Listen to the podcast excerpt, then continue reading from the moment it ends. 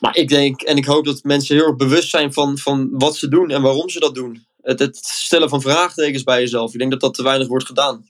Van, van, van waarom doe je wat je doet? En die schermtijd of wat, wat volg je eigenlijk? Waar kijk je naar? Stel die vragen bij jezelf. En ben je dan tevreden? Denk je van, nou, ik, ik vind dat dat normaal is. Nou ja, ga er dan mee door. Maar ik denk dat er te weinig vraagtekens worden gesteld. Hey, welkom bij mijn podcast. Superleuk dat je luistert. Ik ben Joer van der Dol en als jong professional weet ik hoe belangrijk het is om het beste uit jezelf te halen. In deze podcast begeleid ik je in jouw reis naar succes. We gaan het hebben over zelfontwikkeling, geld verdienen, carrière-strategieën en de juiste mindset. Ik deel mijn eigen ervaringen en inzichten en help je om jouw potentieel volledig te benutten. Laten we samen jouw carrière transformeren.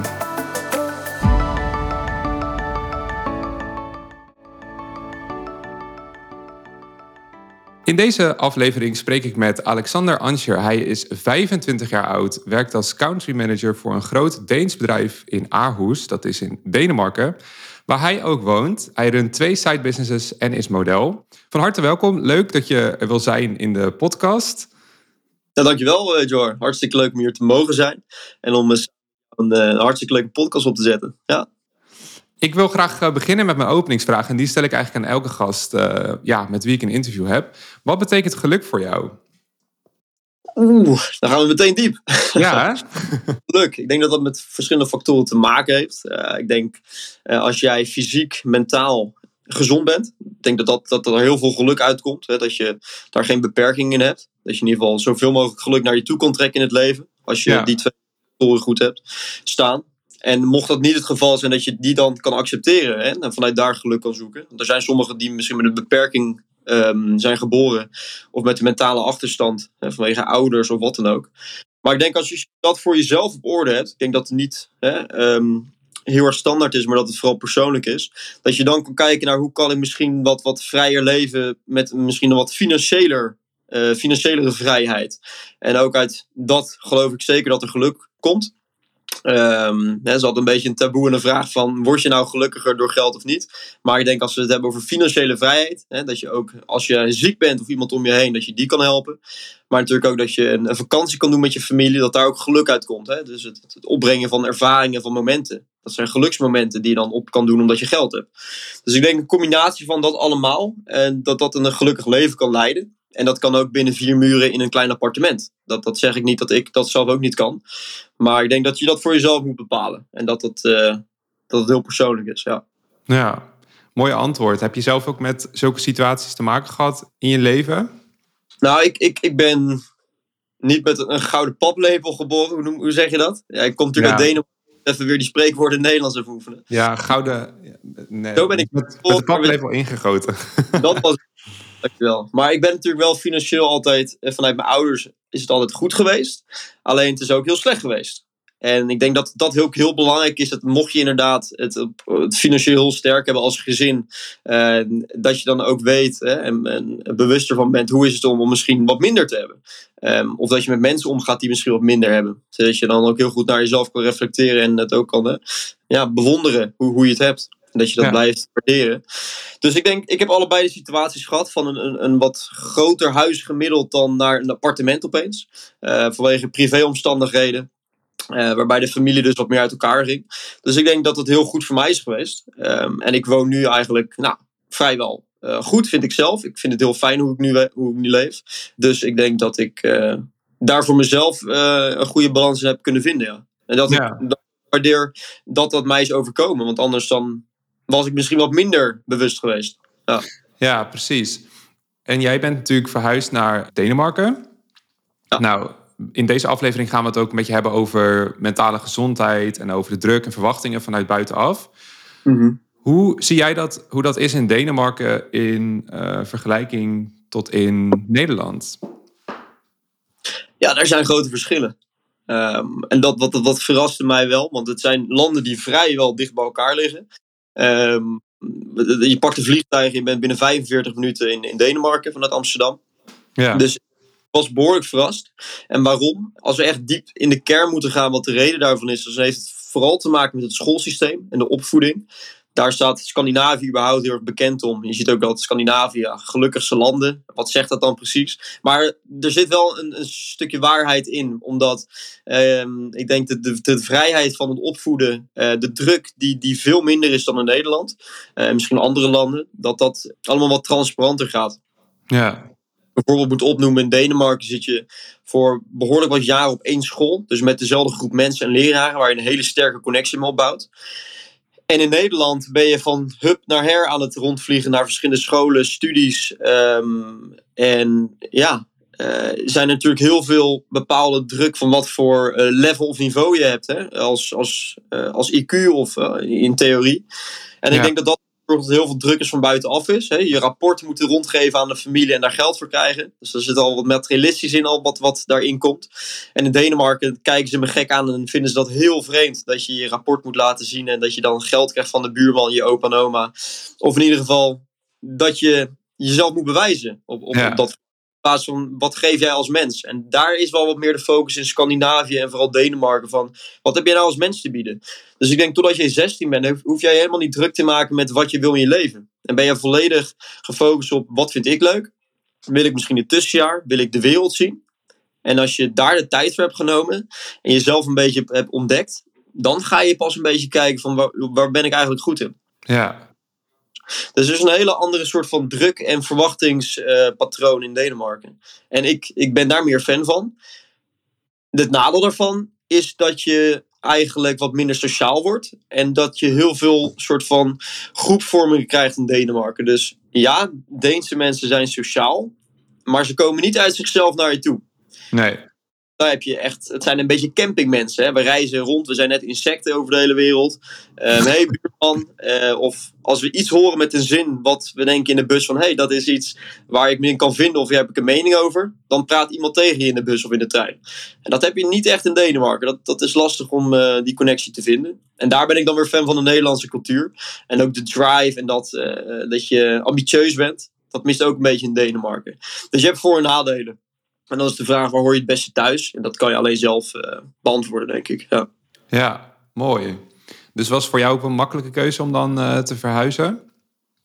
ja, denk het wel. Ik ben jong, ik zit in mijn primetime, dus ik, ik kan keuzes maken, risico's nemen. En ik, ik was verliefd. Ik ben nog steeds verliefd trouwens, maar dat is nu bijna anderhalf jaar geleden. En eh, toen ben ik verliefd geworden op een, eh, op een Deense meid. En ik heb altijd stiekem in mijn gedachten gehad van... joh, de de Deense vrouwen zijn toch wel mijn favoriet. Ja, Dus ja, toen was ik daar op vakantie, toen kwam ze en toen, eh, ja, toen sloeg het meteen aan. En toen ben ik drie maanden later gaan samenwonen. Ben er naartoe verhuisd. Ik denk van dan maar meteen snel goed doen.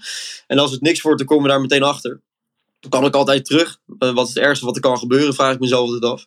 Maar dat gaat hartstikke goed. Dus we hebben net eigenlijk na een jaar een appartement gekocht samen. Dus je zit eigenlijk 30 jaar samen aan elkaar vast. Dat is bijna een eh, ja, manier van trouwen, maar dan op een andere manier. ja. Dus het gaat hartstikke goed. Ja. leuk. Ja. En jij zegt van, eh, ik zit nu echt in mijn primetime. Voelt dat ook zo voor jou? Dat is natuurlijk ook een bepaalde druk. Zeker. En wat doet dat dan met jou?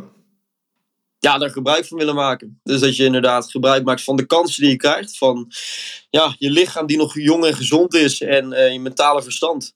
Dat je je ook jezelf kan ontwikkelen. Hè. Dus nu ben je wat meer van je ouders vandaan. En ik zeg niet dat alle ouders een negatieve invloed hebben. Maar ik zeg wel dat heel veel ouders je misschien onbewust beperken. Hè, omdat heel veel ouders misschien dingen die zij misschien niet hebben mogen meemaken. Dat in hun kind proberen te reflecteren. Zie je vaak voorkomen, vind ik.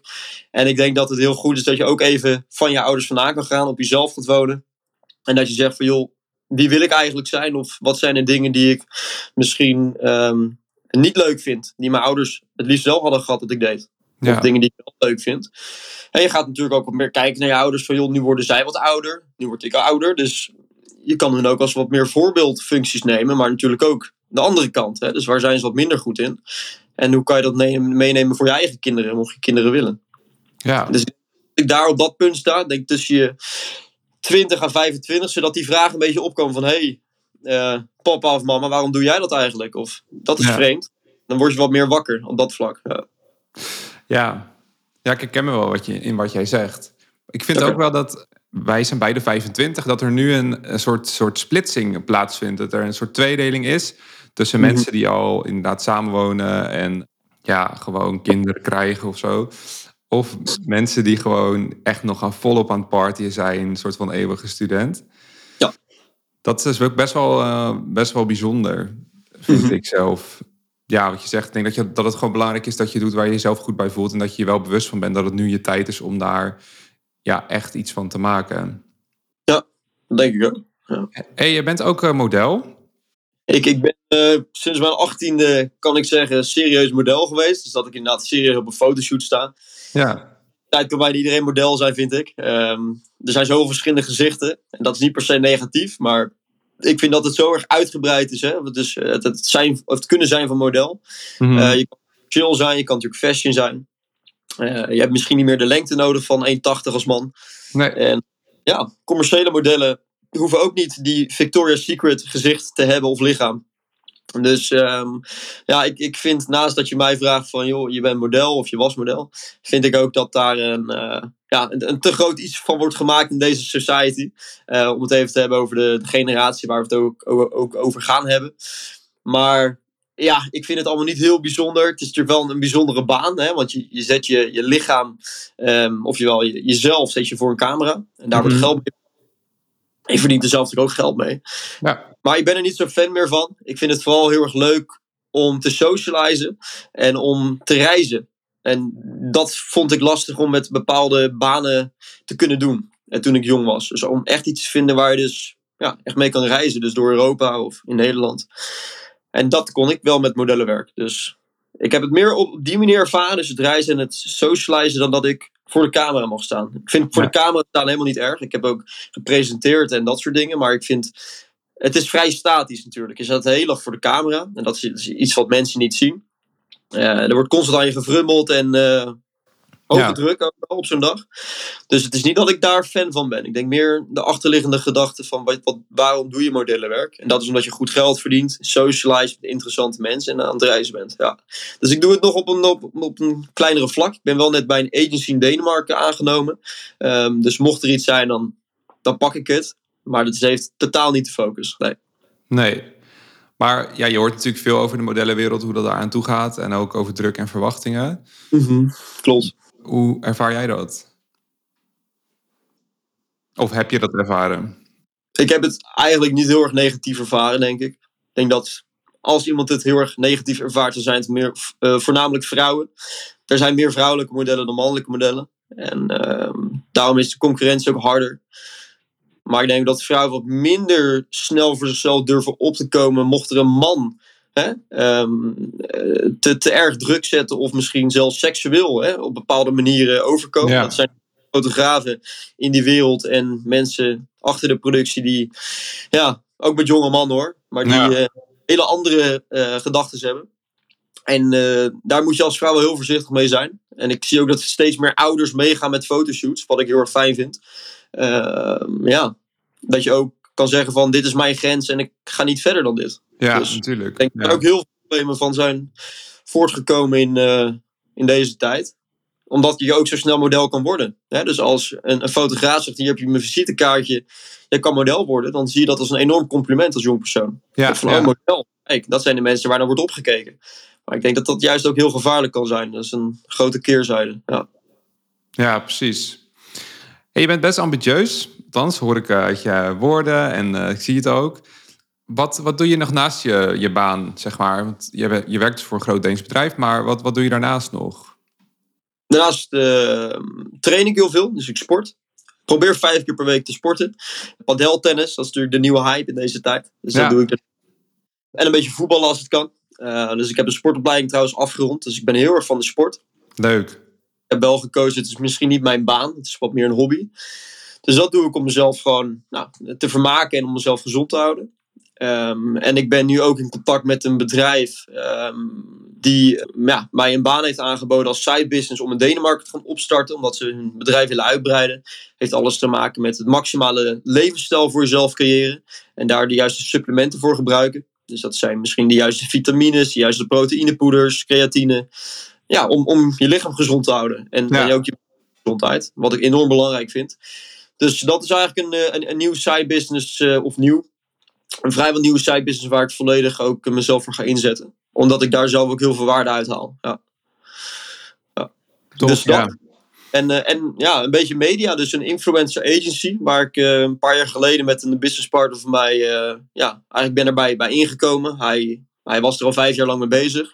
Ging enorm goed. En ik vond het interessant omdat ik de influencer in ja, wereld en de mediawereld heel erg interessant vind. En die business daarvan. Dus toen ben ik daar ook in, in gekomen. Dat ligt wat nu wat, wat meer stil, maar ja, ik, eh, ik probeer daar een combinatie van te vinden. Van de dingen die ik leuk vind. Om dat in een side business of, of in een hobby te kunnen, ja, te kunnen ehm, eh, uitbreiden. Op die manier, ja. Ja, precies. Tof. Mooie dingen. Hey, als we het nog even hebben over druk en verwachtingen. Welk, welke druk ervaar jij?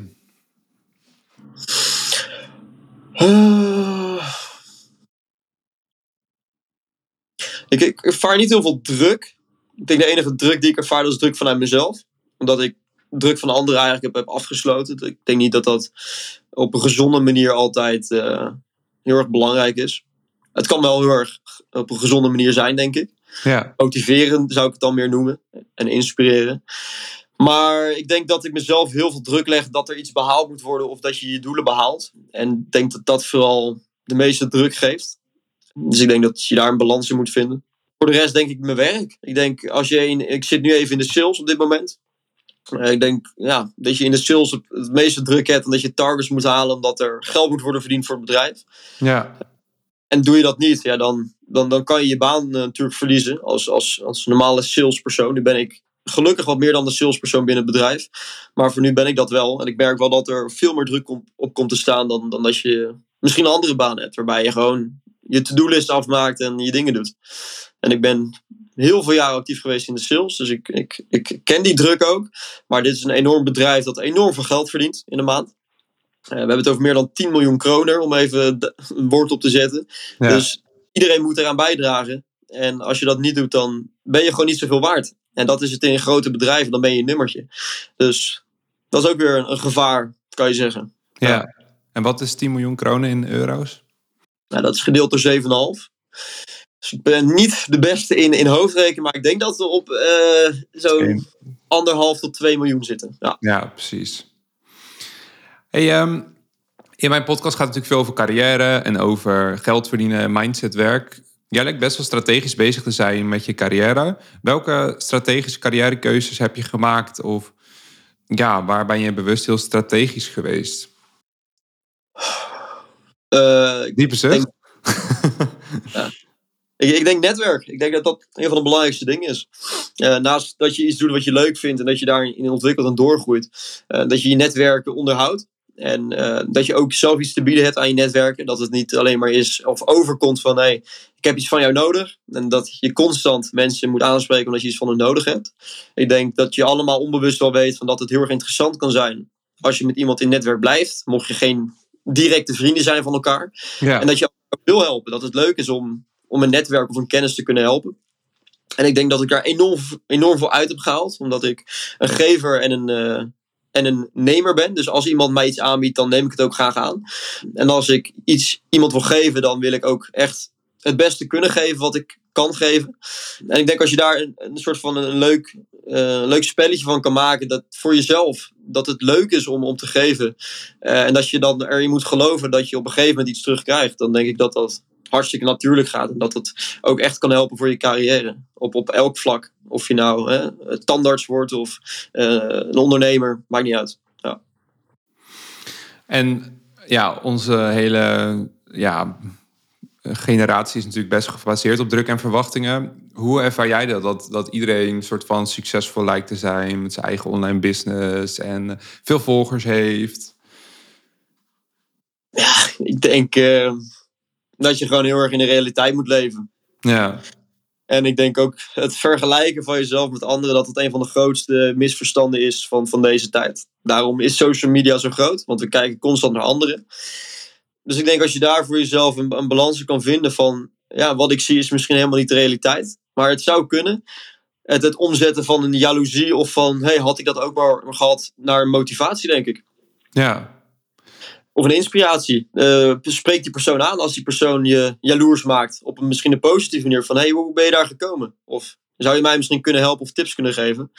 In plaats van dat je zegt van, joh, ik, ik ga mezelf het heel lastig maken en eh, op een negatieve manier jaloers maken. Of ja, laten beïnvloeden door die persoon of influencer. Ik denk dat dat op dit moment een beetje het grootste probleem is. Ja. Ja. En heb je zelf ook zo een keer bijvoorbeeld iemand aangesproken wat heel positief voor jou is uitgepakt? Ja, heel vaak. Ja. En heel positief. Ik, ik weet niet ja, op, op wat voor eh, level, maar ik denk wel dat ik daar in ieder geval heel van heb gehad.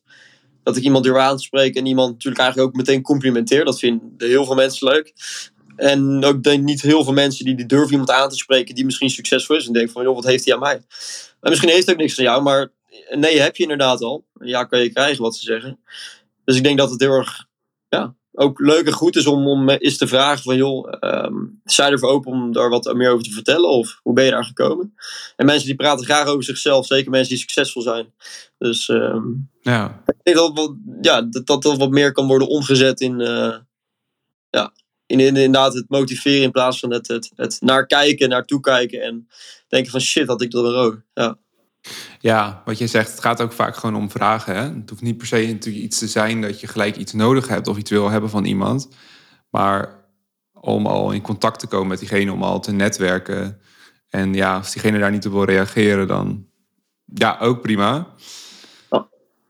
Maar dat is wel sterk van jou, dat je daar niet per se iets van terug verwacht. En ja, dat je daar helemaal content mee kan zijn. Nou, leuk om te horen. We hebben het natuurlijk gehad over druk, verwachtingen. Nou, we, eh, over dat iedereen een business lijkt te hebben. We kunnen nog even een stapje maken ook naar FOMO, eh, de fear of missing out. Dat is ook eh, ja, iets wat wel veel gaande is. Ja. Hoe heb jij dat afgeleerd? Want ik heb wel het idee dat je qua mindset al echt een stuk verder bent dan eh, de gemiddelde 25-jarige. Hoe heb ik FOMO afgeleerd, zeg je? Ja, hoe, eh, Ja. hoe zorg jij ervoor dat jij die druk niet ervaart? Ja, dat is denk ik heel erg automatisch gekomen. Maar ik heb ook nooit een saai leven gehad. En ik denk dat ik daar zelf voor heb gekozen. Ik, ik heb altijd bijbaantjes gehad, zoals eh, bij een agency jezelf aanmelden als host. Dat je op allemaal exclusieve evenementen komt. Of ja, je, kan het ook gewoon zelf heel erg leuk maken. Dat, dat onderschatten mensen, denk ik. Of ja, als je je vrije tijd niks te doen hebt, dan hoef je ook niet op je telefoon te zitten. Of eh, ga, ga, pak de auto of pak een fiets of ga naar het strand in je eentje. Neem jezelf mee op een date, weet ik veel. Het hoeft helemaal niet zo saai te zijn. En ja, voel je gemakkelijk met iets doen met jezelf, denk ik. Ik denk dat we heel erg afhankelijk zijn van anderen om plezier te maken. En van vrienden of weet ik veel. Ja. Dus ik denk, dat, ik denk dat dat vooral heel erg belangrijk is. Maar het is niet dat ik het denk ik heb geleerd. Of ik denk dat het gewoon denk van wat vind ik leuk? Nou, dan ga ik dat doen. Ehm, en op die manier doe ik zelf leuke dingen dat ik niet naar anderen hoef te kijken. Al weet ik dat mensen misschien iets doen wat ik ook graag had willen doen. Maar ik denk, mijn momenten komen wel waar, waar ik weer iets wat leuks doe. ja. En dan kan, kan ik ervoor kiezen om dat online te posten. Om te laten zien van jongens, kijk, nu doe ik een keer wat leuks. Maar dat, dat, dat is niet waar, waar ik ben of doe. Dus als ik iets online plaats, dan vind ik het leuk om dat te delen. Ook omdat ik vrienden heb in verschillende landen in Europa. Vooral na- voornamelijk in Nederland en Denemarken en België. Maar dat ze kunnen volgen wat ik doe. Dat is ook mijn intentie. Of mijn familie die mij dan misschien volgt. En ik vind het leuk om creatief te zijn op social media. Maar het is niet van, oh, nu ben ik in een museum of nu doe ik iets enorm gaafs. Dat moet iedereen zien. En ik denk als jij die keuze kan maken dat je niet die behoefte hebt om constant dat te delen. Of jezelf te bewijzen voor jezelf eigenlijk. Want voor je volgers hoef je het niet te doen. Die zijn eigenlijk, die, die skippen binnen twee seconden door. Binnen een story denk ik. Dan ga je er heel anders naar kijken en mee leven. Dus ik denk dat je daar een bepaalde rust wel in zou moeten kunnen vinden. Ja. Ja. Ja. Mooi. Hey, nog even terug naar carrière. Wat is je plan voor de komende jaren? Waar, waar zie je jezelf? Wat, eh, wat zijn je doelen? ik zit nu denk ik in een fase dat ik een beetje erachter probeer te komen wat ik het liefste doe. Dus ik heb het best wel goed verwerkt in de side businesses die ik heb. Alleen daar kan ik nog niet mijn geld van verdienen dat ik de basisbehoeftes kan, kan van betalen. Maar dat is wel het idee. Alleen ik denk dat dus hè, dat fulltime werken, daar gaat de meeste tijd in zitten. Ja. 40 uur baan. Eh, ik heb daar niet per se iets op tegen. Maar tegelijkertijd denk ik wel van het is niet de volledige vrijheid die ik had gehoopt. Of die ik zou willen over drie tot vijf jaar. Dus er moet wel wat gaan veranderen. Wil ik iets anders gaan doen. Dus ik heb, ik heb een mooie functie. Ik heb een mooie baan. In Denemarken verdien je wat meer dan in Nederland trouwens. Dus je hebt wat meer te besteden. Alleen het is niet het werk wat ik, wat ik leuk vind om te doen op dit moment, om eerlijk te zijn. En dat is puur omdat ik even in een dubio zit. Maar het is meer van, uh, ja, wil ik nog steeds in de, in de sales blijven zitten. Dat verkopen van iets. Ik heb dat sinds mijn zestiende gedaan. Op alle verschillende manieren. En ik kan alles verkopen, kan ik zeggen. Met alle cases die je hebt geleerd. En weet ik veel wat. Hoe je moet praten. Maar je wordt er een beetje moe van. Ja, op een gegeven moment heb je het wel gehad mensen. En ik heb het liefste dat ik iemand blij kan maken en dat iemand uit zichzelf denkt van hey, dit is een gaaf product of dit is een gave service of ja, weet, weet ik veel. En dat iemand dan ja zegt dat je iemand dan echt hebt geholpen. En dat heb ik een beetje gemist in de, in de saleswereld, dat je dat ook echt kan doen. Dus ik denk dat vooral voor mij het ligt bij het, het, werken met mensen. Dus dat ik echt met mensen kan werken en mensen kan, kan helpen motiveren. En dat het product wat ik dan verkoop, dat dat niet per se de waarde geeft. Of de service. Het een hele waardevolle service is. Ik heb ook wat coaching mogen doen, zonder gecertificeerd te zijn, maar wat in de community.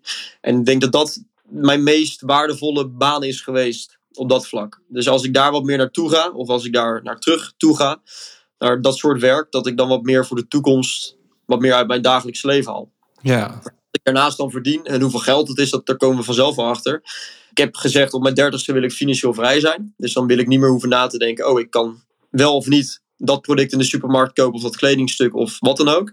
En ik ben daar nu gewoon heel erg voorzichtig mee, want ik vind dat sparen heel erg belangrijk is. Ja. Maar dat, dat is uh, iets waar ik nu een beetje achter probeer te komen van hoe wil ik mezelf zien over drie tot vijf jaar en uh, wat moet daarvoor veranderen. Ja. Je kan natuurlijk willen, maar als er niks aan gebeurt, dan wordt het gewoon heel lastig. Ja. Nou, mooi. Het zou leuk zijn als we elkaar over een paar jaar spreken en dat er een hoop is veranderd. Zeker, ja. Nou, je ziet om ons heen natuurlijk heel veel ja, verschillende dingen tussen de millennials en uh, de Gen Z. Maar ook ja, de generatie die, daaronder komt. En dat daar ook best wel veel dingen goed gaan, fout gaan. Hoe kijk jij daarnaar en wat zie jij daar ja, in gebeuren? Uh, ik zie er veel in gebeuren. Uh, ik zie veel verschillen ook wel tussen toen wij jonger waren en de mensen die nu jong zijn, dus de nieuwe teenagers. Ehm, en dat heeft natuurlijk heel veel te maken met, met nogmaals social media en de telefoon. Het is uh, de beste vriend van velen. Ja. Het kan een hele goede vriend zijn. Nogmaals, het gaat erom, vind ik, dat je er bewust mee kan omgaan. Maar het kan ook echt je slechtste vriend worden. En ik denk dat we dat allemaal op onze eigen manier wel hebben ervaren. Als we allemaal eerlijk moeten zijn. Um, de ene groter dan, dan de ander. En ik denk dat dat een gevaar is. Ik denk, ik, ik ben serieus, want het onderwerp dat ik ook graag met jou wilde bespreken, heeft ermee te maken. Omdat het mij het meeste doet. En niet van doet dat ik, dat ik, uh, dat ik het jammer vind, maar ik word er echt verdrietig van. En dat meen ik ook oprecht. Ik wil er ook echt wat aan kunnen doen. Um, en daarom ben ik ook vrijwel actief geweest als coach met, met jongere mensen. Om ervoor te zorgen dat ik kan helpen in ieder geval om, om het maximale uit hun levensstijl te halen of hunzelf. Of in ieder geval een schopje in de, in de goede richting. Ja. In de, duwtje in de rug, zeggen ze. En uh, dat kan natuurlijk niet iedereen. Je kan niet de hele wereld redden. Maar ik denk en ik hoop dat mensen heel erg bewust zijn van, van wat ze doen en waarom ze dat doen. Het, het stellen van vraagtekens bij jezelf. Ik denk dat dat te weinig wordt gedaan. Van, van, van, waarom doe je wat je doet? En die schermtijd of wat, wat volg je eigenlijk? Waar kijk je naar? Stel ja. die vragen bij jezelf. En ben je dan tevreden? Denk je van, nou, ik, ik vind dat dat normaal is. Nou ja, ga er dan mee door. Maar ik denk dat er te weinig vraagtekens worden gesteld. En ik, ja, dat doet mij heel veel. Dus als ik iets in de wereld zou kunnen veranderen, dan is dat het 100%. Want dat heeft alles te maken met onze toekomst. Met depressies, met weet ik veel hoeveel problemen er nu zijn hè, in, de, in de generatie van mensen die zich eenzaam voelen. En dat is natuurlijk niet de bedoeling. Dus dat uh, beperkt ook je vrijheid mentaal. Ja. En dat vind ik zonde. En ja, ik, hoop dat ik daar iets meer aan kan doen dan dat ik nu doe, eigenlijk. Ja, tof. Het is wel een groot probleem. Het is wel mooi als je daar iets mee kan doen. En zie jij dat dan vooral in het gebruik van de mobiele telefoon of in schermtijd, dat soort dingen? Nou, dat, dat is een groot deel, denk ik. Maar ik denk vooral, uh, nogmaals, als we terugkomen op, op dat bewustzijn van weten wat je doet. Dus waar gebruik je je tijd aan? En wat voor vrienden gebruik je je tijd aan? Ja. ja. En natuurlijk is familie belangrijk, maar niet elke familielid of ouder is even nuchter of even behulpzaam in het ontwikkelen van, van een kind. Dus ik denk ook het vraagteken stellen nogmaals van joh, um, ja, waarom zeggen mijn vader of moeder dit en waar ben ik mee bezig? Wat voor vrienden heb ik eigenlijk? En, en zorgen zij ervoor dat ik een leuke tijd heb? Of zorgen zij ervoor dat ik ook ontwikkel of dat ik iets van hun kan leren? Ja. Daar hoef je constant bij na te denken, dat is helemaal niet het idee. Maar ik denk dat, er, dat het te weinig wordt gedaan. Ja, uh, precies. En dat het niet per se helpt voor de ontwikkeling van jezelf. En uh, ik denk ook mijn kinderen, als ik hun op school ga, ga, ga plaatsen en uh, iedereen loopt rond met een telefoon en ze zijn 7 tot 10 jaar oud. Ik weet niet hoe jong ze nu zijn met een telefoon op school. Ik wil het misschien niet eens weten. Nee, maar is... dan heb je bijna als, als, ouder geen keus. En ik denk dat daar vooral het probleem ligt dat jij mee moet gaan in de tijd. Anders dan wordt je kind gepest. Of dan voelt je kind zich buitengesloten. En daar wordt het gevaarlijk. Dat, dat het nu zo een normaal iets is geworden. En met een normaal iets bedoel ik dat we geen vraagtekens stellen en dat we maar doen wat anderen doen. Dat het wel een heel groot probleem voor ons kan zorgen. En zelfs voor ons mensen die 25 zijn. Maar ik denk dat de jonge generatie er het meeste last van gaat krijgen als ik kijk hoe ze met elkaar in de trein zitten. Dat het allemaal op de telefoon is en dat die leuke of misschien gewoon lol hebben, dat dat wat meer wegvalt. En ik praat puur uit ervaring van wat ik zie. Dus ik kan helemaal niet zeggen, zo is het bij iedereen. En dat is ook niet het geval. Maar ik zie wel een grote verandering van hoe het was en hoe het nu is. Ja. En dat is logisch, want de telefoon wordt steeds hè, meer gebruikt. En uh, ja, verschillende apps. Dus ik maak me daar zeker zorgen om. Ja, snap ik. Ik denk dat het hem ook vooral zit in dat dopamine. Hè, die, ja, dat, dat je, detox wil ik zeggen. Maar dopamine release. Dat je gelijk dus instant iets terugkrijgt als je lijkt, als je iets plaatst op social media. En dat die apps natuurlijk op gebouwd zijn om jou zo lang mogelijk op platform te houden. En zo lang mogelijk allemaal content voor te schoten die jij uh, leuk vindt. Ja, klopt. Ja, um, en daarom daar nog iets op toe te voegen. Ik denk ook, en nu zeg ik, praat puur voor degene die dit natuurlijk ook kijken, van uh, vraag jezelf af, wat, wat wil je uit social media halen? Dus is het inderdaad die entertainment? Is het het, het kunnen volgen van je vrienden en familie of mensen waar je naar opkijkt? Hè? Dat kunnen ook bekende mensen zijn of influencers uh, op een positieve manier. Of zijn het die likes? Of zijn het die comments op een foto? Zijn het de volgers? En zo ja, waarom heb je dat dan nodig? Ja. Uh, waarom probeer je dat niet in het dagelijks leven op een andere manier te krijgen van je vrienden of familie? En kan je dat niet krijgen, wat gaat er dan fout? Heb je dan wel de juiste mensen om je heen? Ja.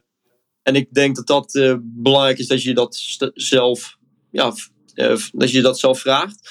Ik ben voor een lange tijd ben ik actief geweest op Instagram en op YouTube en in de mediawereld. En dan heb je heel veel te maken met het willen groeien op social media. Want er komt meer geld uit, maar je krijgt er ook confidence van. Hè? Dus je krijgt steeds meer aandacht. En je wordt, als het goed is op een positieve manier, word je nou, omhoog getild. Ook daardoor. Uh, met je zelfvertrouwen en weet ik veel wat het allemaal te maken mee heeft. Ja. Maar in ieder geval wat ik probeer te zeggen is nu ben ik daar bewuster mee omgegaan. Dus met social media en waarom gebruik ik dus die dingen. En ik vind dat belangrijk, want het heeft een grote impact hè, op je leven, die telefoon. Dus dat je daar in ieder geval wel bewust van bent. En ik heb er ook voor gekozen om bijvoorbeeld mijn reacties, hè, als ik een foto plaats, omdat ik dat leuk vind om te doen, dat ik die dan ook uitzet.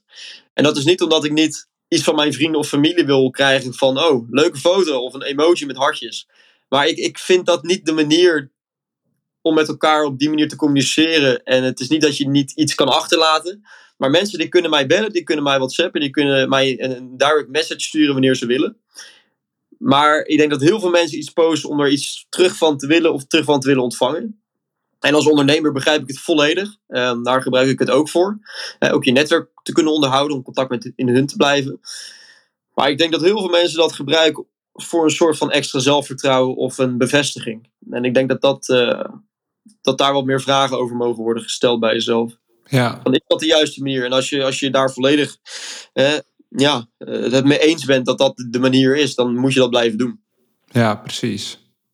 Ja.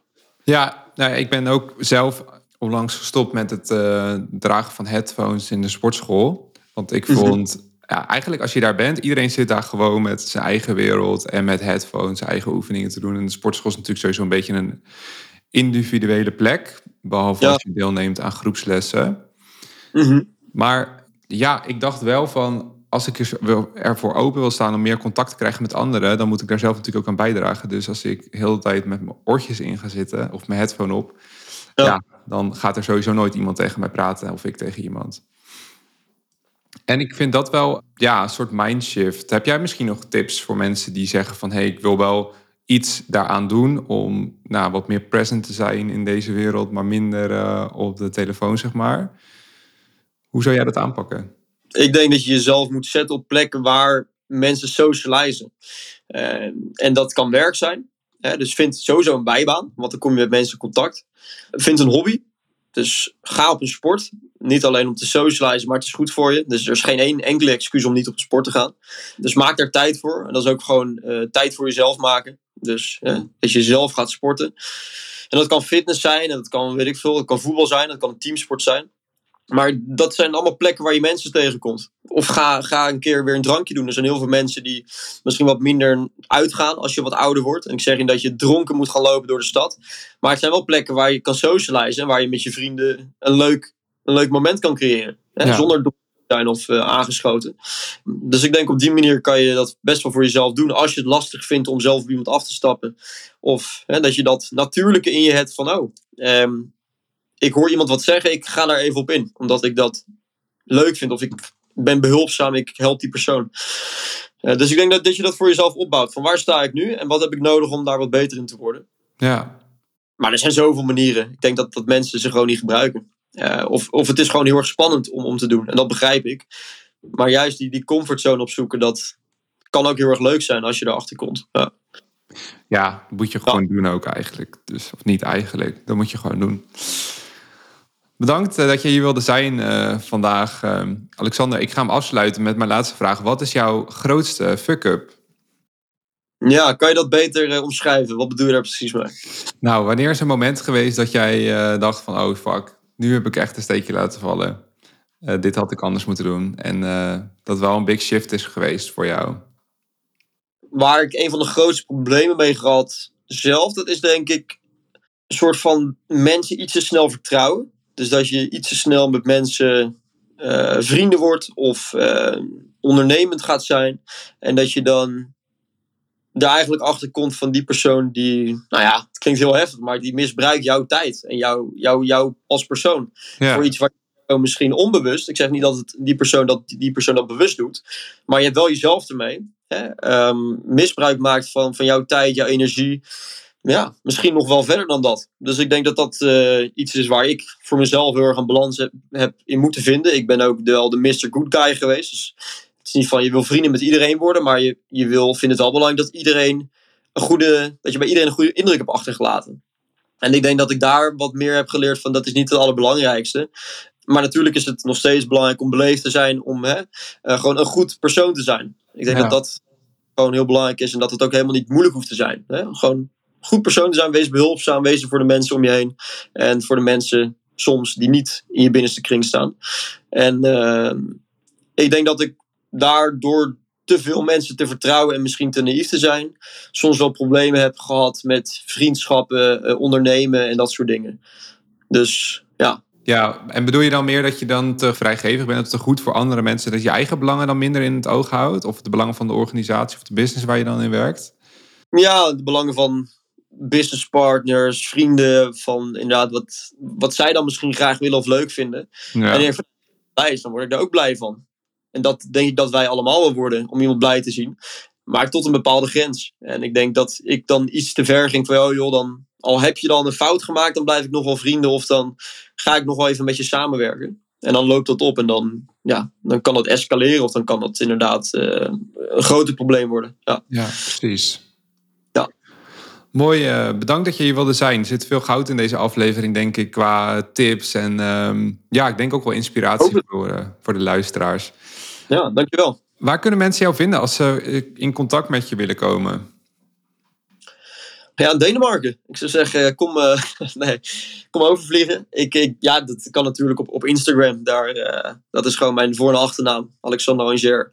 En ja, dan uh, kan je mij volgen als je dat wilt.